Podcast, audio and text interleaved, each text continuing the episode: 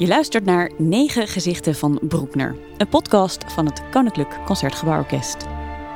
Mijn naam is Jet Berkhout en zolang ik me kan herinneren roepen de symfonieën van Broekner twee soorten reacties op. Je bent er verliefd op of je vindt het onverteerbare kost. In deze serie ga ik in vogelvlucht door negen symfonieën en het leven van Anton Broekner. Dat doe ik samen met Broekner-expert Axel Meijer en iedere keer een andere muzikus van het Concertgebouworkest. Waarom zijn Broekners symfonieën zo legendarisch? En waarom maken ze zoveel los?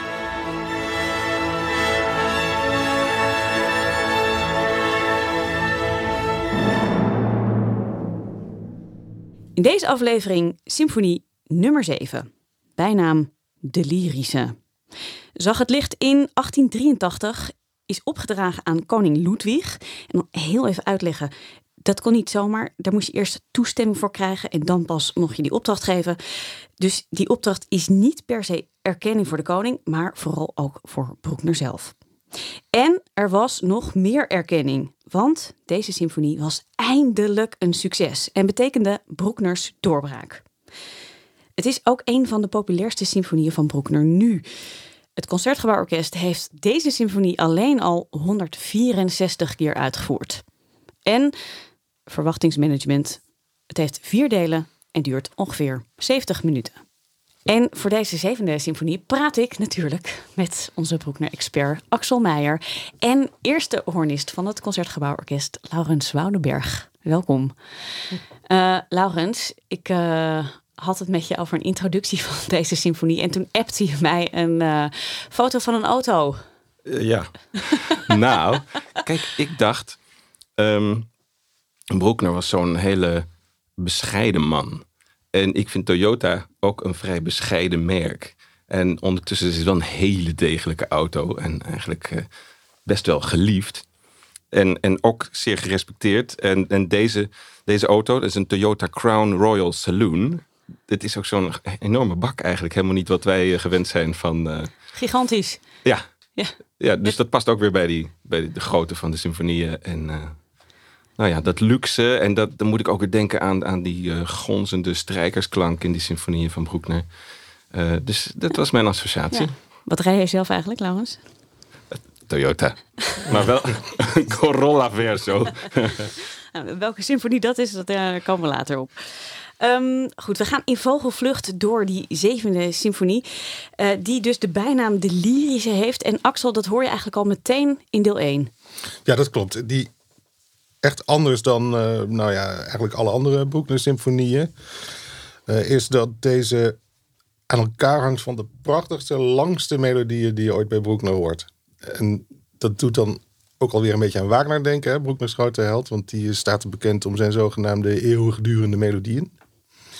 En uh, we komen er nog wel over te spreken dat deze zevende een heleboel Wagner links heeft. Dus het is al vanaf de eerste noten is dat doorbaar.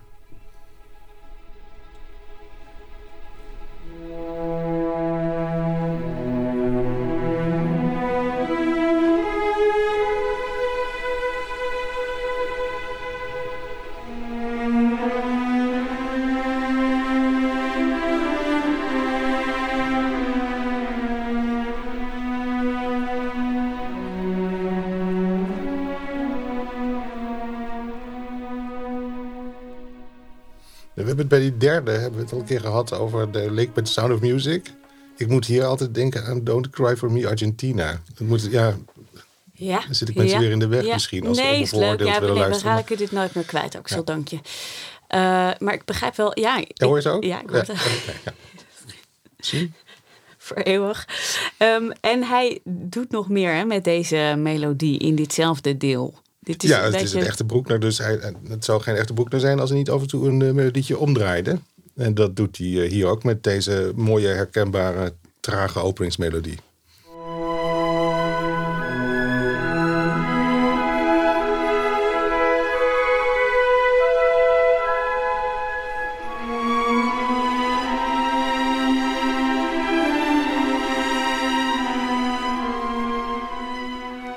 Dan voor me zien dat je zeg maar eerst een, eh, even heel simpel gezegd, een drieklank omhoog hebt en daarna eentje naar beneden? Ja, precies dat. Alles wat eh, in de eerste opening naar beneden gaat, gaat hier omhoog en andersom. Ja. Ja, oké. Dan gaan we daar eens wat bewuster naar luisteren als we hem helemaal horen. Eh, Laurens, jij hebt hier nog helemaal niks te doen, hè? Nee, ik zit hier nog eh, lekker te genieten. Ik wil zeggen, de mensen die hoorn spelen, die moeten wel aan de bak. Ja, Maar de mensen die Wagner tuba spelen, die hebben nog even pauze. precies. Ja, laten we, laten we dan gewoon meteen naar dat tweede deel gaan, want dat is jouw deel. Dat moet je meteen aan. Ja, dat is even een spannend beginnetje. Ehm, soms dan eh, spelen we stiekem een paar nootjes mee met die luide slotakkoorden van, de eerste, van het eerste deel. Ja, dan, om even je lippen warm te maken. Ja, even dat gevoel, even, even proeven. Kan je, kan je voordoen wat je dan doet met je mond? Of is dat... Nee, maar Ja? ik, ik speel dan ook wel een beetje de, de juiste noten. Ik gewoon pak een, eh, pak een noot die in het akkoord past. Leuk, daar gaan we op letten. Je hoort het niet als je in de zaal zit, Nee, want we precies. spelen heel zachtjes Heel mee. zachtjes, ja. Maar je ziet wel dat die tubaïsten dus, ehm, ik, weet, ik weet niet eens hoe je het moet noemen, een tubist of een tubaïst, of nou ja goed, de tuba-spelers zou ik maar even zeggen. Maar die pakken hun instrument wel eventjes een, een, een, een, minuutje van tevoren, blazen er wat in, zodat die instrumenten warm zijn. De stemming is al gevoelig bij die instrumenten, dus eh, je wil even dat het, eh Ja, het beginnetje oké. goed staat. hebben, hebben we dat eindakkoord van het eerste deel. En dan stilte. En dan kom jij in actie. Ja.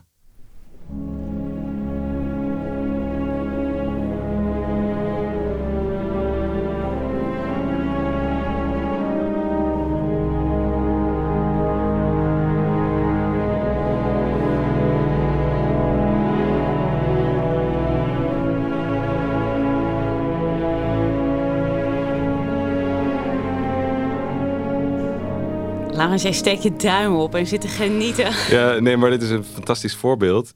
Eh, vond ik ook nog leuk om eventjes te benoemen. Bij het orkest is een beetje een traditie om die langzame triool veel te langzaam te spelen. Normaal heb je twee of vier noten in die maat, maar nu moet je er drie in plaatsen. En om dat goed ritmisch te doen, eh, blijkbaar is dat nog best wel moeilijk. Dus wat er vaak gebeurt is dat je gewoon drie noten van anderhalve tel, dus dan heb je eigenlijk vier en een halve tel. Dus dan heb je, Enorm te slepen. Precies, dus je ziet ook dat de dirigenten altijd een beetje moeten wachten met de een van die volgende maat. Leuk.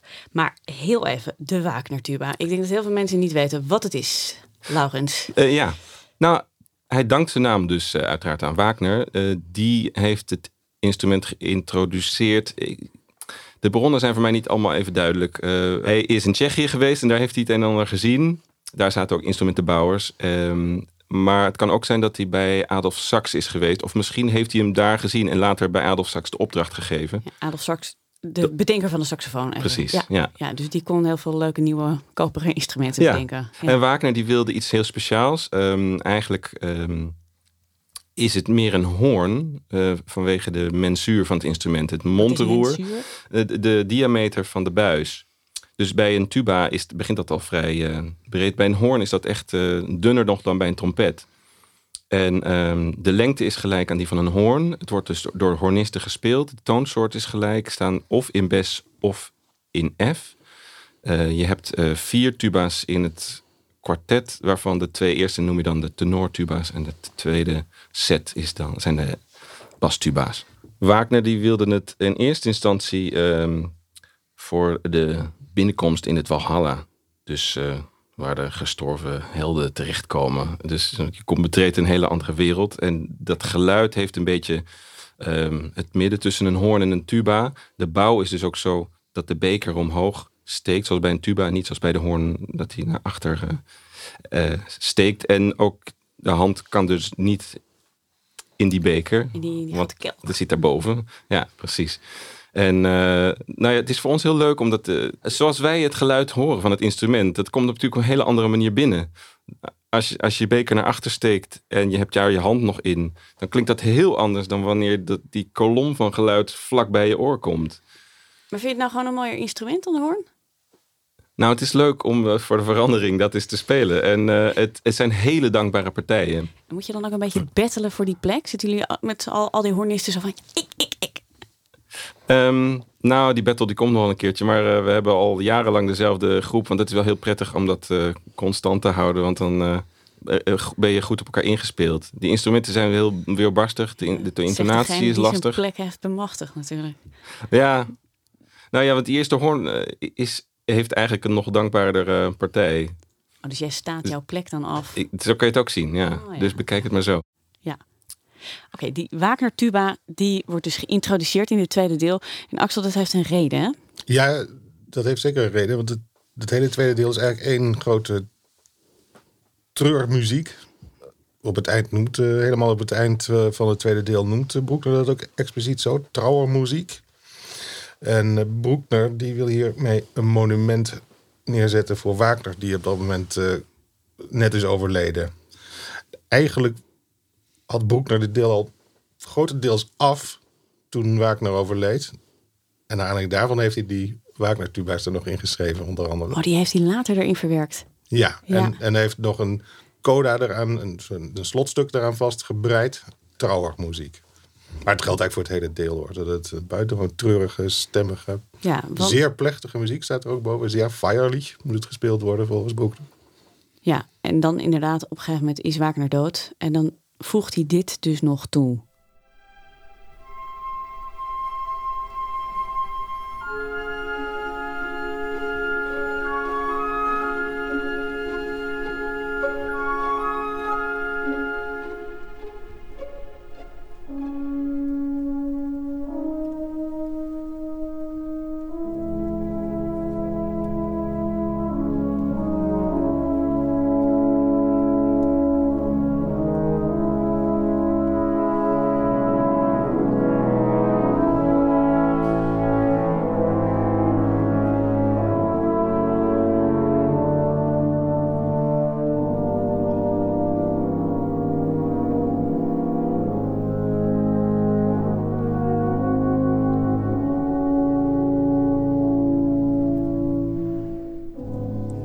Summum om te spelen. Dit is mijn favoriete fragment, ja. Ja, dat is heerlijk. En het komt na zo'n heel... eh, er wordt natuurlijk heel mooi eh, geïntroduceerd. Hè? Zo'n hele ijle fluitsolo. En dan komt deze inzet. Ja, dat is fantastisch. Ja, en jij hebt dit ooit gespeeld onder leiding van Haitink. Ja, dat is natuurlijk eh, helemaal fantastisch om deze muziek met, met die man te spelen. Dat was heel bijzonder, want dit, dit bereidt zo to- toe naar het hele verstilde en, en ja, inderdaad trieste einde. Maar dat is, eh, het is heel zacht en het eindigt op een heel lang akkoord met vier hoorns en vier Wagner-tuba's. En dan eh, na een van die repetities, het, het, het, het, ging, het werd steeds mooier. En eh, toen zei hij op een gegeven moment zo heel kalm. Hier zou ik het liefst de partituur willen sluiten en naar huis gaan. Zoiets. En eh, ja, want daarna komt natuurlijk zo'n tumultueus, eh, jachtig eh, scherzo en nog een, nog een pompeuzer vierde deel. Ja, er zit één ding in dit deel, dat heeft denk ik niet met Wagner te maken, maar vind ik zo gewoon heel grappig om te lezen. Dat er voor één maat twee extra slagwerkers nodig zijn. Die maar één maat spelen in die hele symfonie. Ja, dat is totale gekkigheid, inderdaad. De, de, hè, die, dit hele deel is als een enorme aanloop naar een gigantische climax.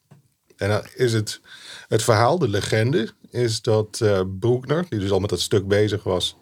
en eh, naar eigen zeggen de dood van Wagner voorvoelde...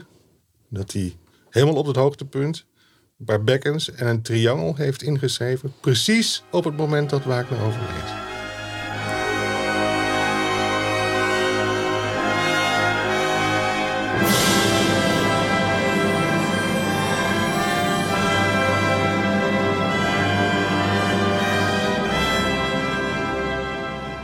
Zijn denk ik eh, de duurste noten uit de symfonische geschiedenis. Ja, dat klinkt dan makkelijk verdiend, maar dit schijnt verschrikkelijk te zijn. Als je daar zit te wachten. Je hoeft alleen maar eh, even die triangel... Ja, ja. eh, Ja, en stel je voor dat je dit stuk op tournee doet. Dan ben je dus op tournee voor die ene bekkenslag. Ja, Drie weken van Ja. huis. En, eh, ik zou heel graag een losse podcast willen maken over eh, die slagwerkers in deze maten en alles wat daarbij komt kijken.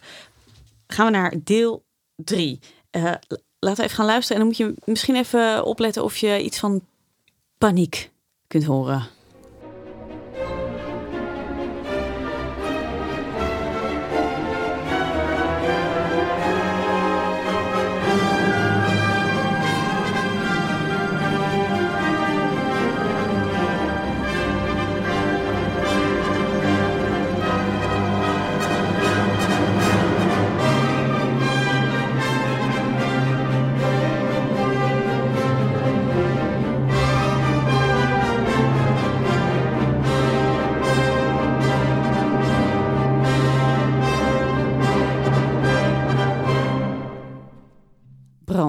Dit is brand, ja. Dit is de brandweer ook meteen. Er was uh, toen Broekner met deze symfonie bezig was een enorme brand in het zogenaamde Ringtheater in Wenen. Een grote tragedie waar minimaal 380 mensen bij om zijn gekomen, maar er zijn ook schattingen van duizend. Een verschrikkelijke uh, vuurzee. En Broekner die woonde daar pal naast. had alleen een heel klein steegje tussen dat theater dat in de fik vloog en uh, Broekners appartement. Broekner zou zelfs oorspronkelijk die avond naar die voorstelling gaan. Heeft daarvan afgezien, ging geloof ik liever naar de kerk. Nou, typisch Broekner. Maar die kwam uit de kerk en had door dat alles in de, in de hand stond. En die is toen als een gek naar huis gerend om zijn partituren te redden. Ik geloof dat de, de, de vensterbank van zijn kamer stond, was al helemaal uh, geblakerd uh, toen hij daar aankwam. Gelukkig goed afgelopen. Maar, maar het idee is dat, uh, dat die muziek die je hoort, dat die hele felle strijkers, dat is dan de paniek van de mensen die daar rondrennen. En die, die blazers die je hoort, zo ging dat vroeger in Wenen en in Duitsland. De brandweer waarschuwde dan collega's door dat soort uh, hoornsignalen.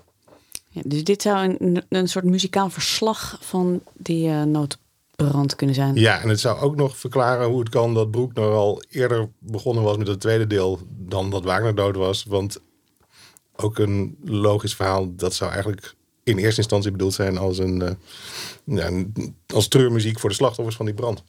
Aha er zit ook meteen in datzelfde deel, want die, die derde delen die hebben vaak verschillende karakters in zich. Uh, troost. Ja, dat wordt zo. En, uh, inderdaad, in zo'n scherzo zit altijd een heel contrasterend deel, hè, dat uh, dan wat rustiger is. En dat is ook in dit geval weer zo echt een heel scherp contrast. ik denk dat ja, je moet dat toch zien als iets waar te midden van zoveel rampspoed toch ook nog ergens hoop te vinden is.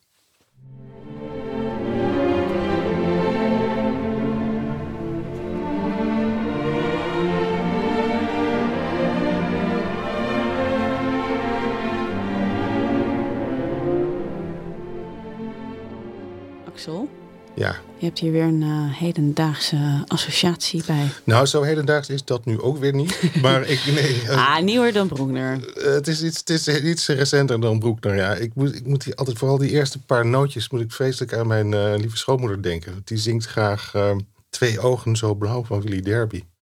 Twee ogen zo blauw, zo innig en trouw al mijn geluk zijn die kijkers van jou, twee ogen zo blauw. Herken je het, Laurens? Nee, maar ik vind het geweldig. Ja, ja ik denk altijd, dat het is een beetje iffy history natuurlijk. Maar als Broekner dit liedje had gekend, dan had hij er waarschijnlijk dit trio van gemaakt. Dus zo, zo stel ik me dat dan voor. Ja, ja. want hij verwerkte heel veel liedjes hè, in zijn muziek. Ja, nou, deze zal hij niet gekend hebben. Nee, maar volksliedjes dan? Ja, dit is uit de jaren 30, meen ik toch? Ja, ja, ja. ja, Laurens, jij zit hier nog uh, achterover te leunen. Weer, ja. Ja, kan jij dan um, echt luisteren of ben jij dan vooral heel geconcentreerd op het deel dat volgt? Uh, nee, hier, hier uh, kan ik nog lekker ontspannen. Ja. Je hebt het onder verschillende dirigenten gespeeld. Wat zijn de verschillen die je dan ervaart? Nou, een overeenkomst is dat de meeste dirigenten het zien als een soort groot bouwwerk of iets architectonisch of een soort kathedraalachtig. Maar het is opgebouwd uit uh, blokken. En uh, volgens mij is het de kunst voor de dirigent om die blokken op, op een logische manier elkaar te verbinden. En dat doet de een op een andere manier dan de ander. En bij, bij Haitink dan bijvoorbeeld, die laat dat op een soort organische manier gebeuren. Het gevaar is natuurlijk dat je, dat je een beetje uh, bij, bij iedere overgang gaat stilstaan. Maar dat, op de een of andere manier gaat dat heel natuurlijk bij hem. En um, uh, bijvoorbeeld Gatti, die had heel erg, uh, die, die, die hamerde echt op dat, dat, dat die structuur, die was voor hem heilig. En waar je dus um, als soloblazer bijvoorbeeld bij Heiting dan nog wel een beetje rubato kan doen met, met, die, met die losse lijntjes. Die rubato ergens, is eigenlijk dat je een beetje de, de Dat je een beetje vrijheid neemt, ja. ja. Daar wilde Gatti dan juist dat je dat vrij strikt in tempo uh, speelde. Zodat je die, niet die richting uh, verliest. En jouw voorkeur? Laat me raden. Ik vond dat toen heel overtuigend toen Gatti dat deed. Ja, dus ik, ik voor mij, eh, ja, we zijn gezegend. eh, althans, ja, voor horns is het gewoon, voor hornisten is het altijd leuk om Broekner te spelen. Eh, dus mij maakt niet uit wie dat dan doet en hoe, als het maar op een overtuigende manier gaat. En inderdaad, wat ik wel lastig vind, is als inderdaad elke overgang opnieuw weer een soort een bevalling wordt. Dat het, Halen we het. ja, ja, precies, ja. Ja. Dat het, als het enorm gaat stilstaan, dan wordt het een beetje vermoeiend. Jullie gaan het spelen binnenkort. Ja. Ja, met eh Myung-Won Chung. Ja, wat verwacht je bij hem? Ehm, eerder richting Haitink. Ja, hij, eh, volgens mij gaat hij het ook allemaal laten gebeuren. Kijk, gaan we, gaan we op jou letten. Ehm, we gaan naar deel 4. Axel, er komt iets terug van wat we eerder hebben gehoord. Wat er vaak bij Broekner gebeurt, hij blijft hier terug op de opening van een eerder deel. Het eerste deel, hè, zodat hij de cirkel weer rondmaakt, eh, zoals dat eh, mooi heet. Eh, misschien kunnen we gewoon eventjes het allereerste begin nog een keer laten horen. Even terug van, naar deel eh, 1. Ja, hebben we dat weer vers in het geheugen.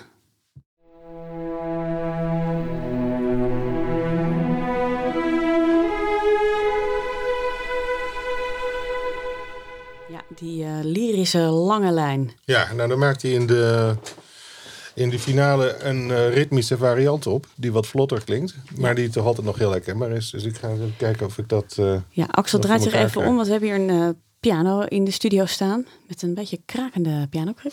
Dus van die hele lange lijn van daarnet maakt Broekner voor die finale dit.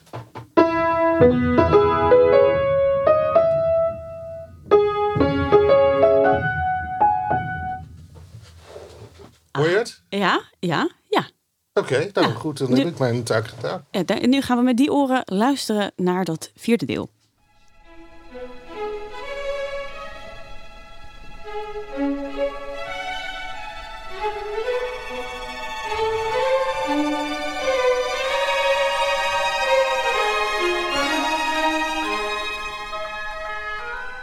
Klinkt hier eh, wel redelijk monter. Ja, dat klinkt zeker monter. Broekner doet er natuurlijk nog een keer iets geks mee. En dat is helemaal op het eind. Dan combineert hij die snelle variant met de hele brede, mooie, emotionele variant uit de opening. Dan krijgen ze nog eens een keer gratis eh, Hij bij sandwicht elkaar. eh, die twee elementen. Ja, zo kun je dat. Ja, niet mijn term, maar. eh, Nee, kompoes? Wat is het? Een soort mengeling van... eh, ja. Laten we luisteren, dan bedenken we met hem voor. Hij koppelt.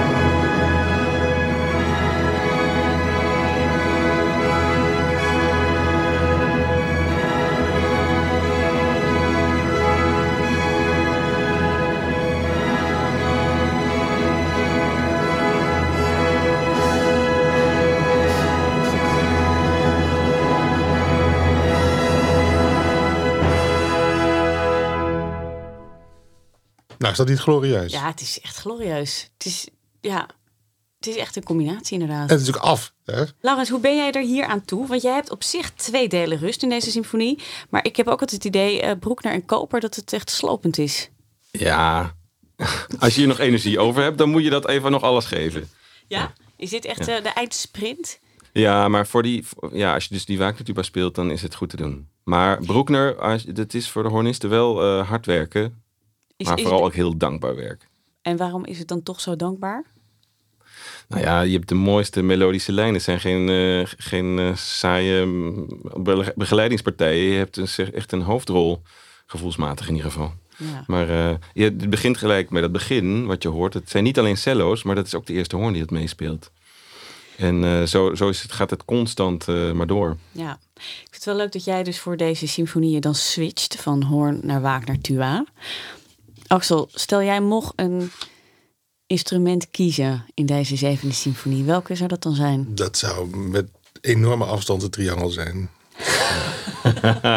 Zou jij onder die druk kunnen leven van die ene maat? Nou, wel als, als het zo gaat zoals Laurens net eh, schetste. Dat je gewoon met je triangel eh, mee mag op tournee.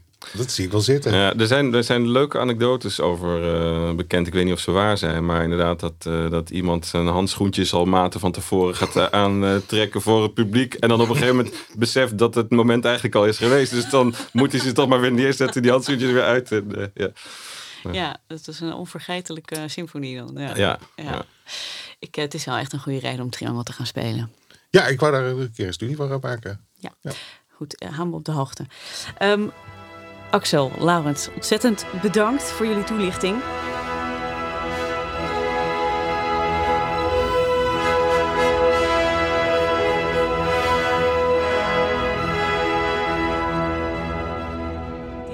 Was Symfonie 7 van Negen Gezichten van Broekner. En denk je nu, ja, deze zevende symfonie wil ik eh, integraal horen? Ga dan naar onze afspeellijst op Spotify met de titel Negen Gezichten van Broekner. Maar misschien nog mooier is het om die symfonie live te horen. En ook dat kan, Laurens zei het al. Want de komende tijd voert het Concertgebouworkest Broekners Negen Symfonieën uit in het Amsterdamse Concertgebouw. Met steeds weer andere illustere dirigenten. Aanrader. Tot slot, vergeet je niet op deze podcast te abonneren. Dan weet je zeker dat je geen aflevering mist.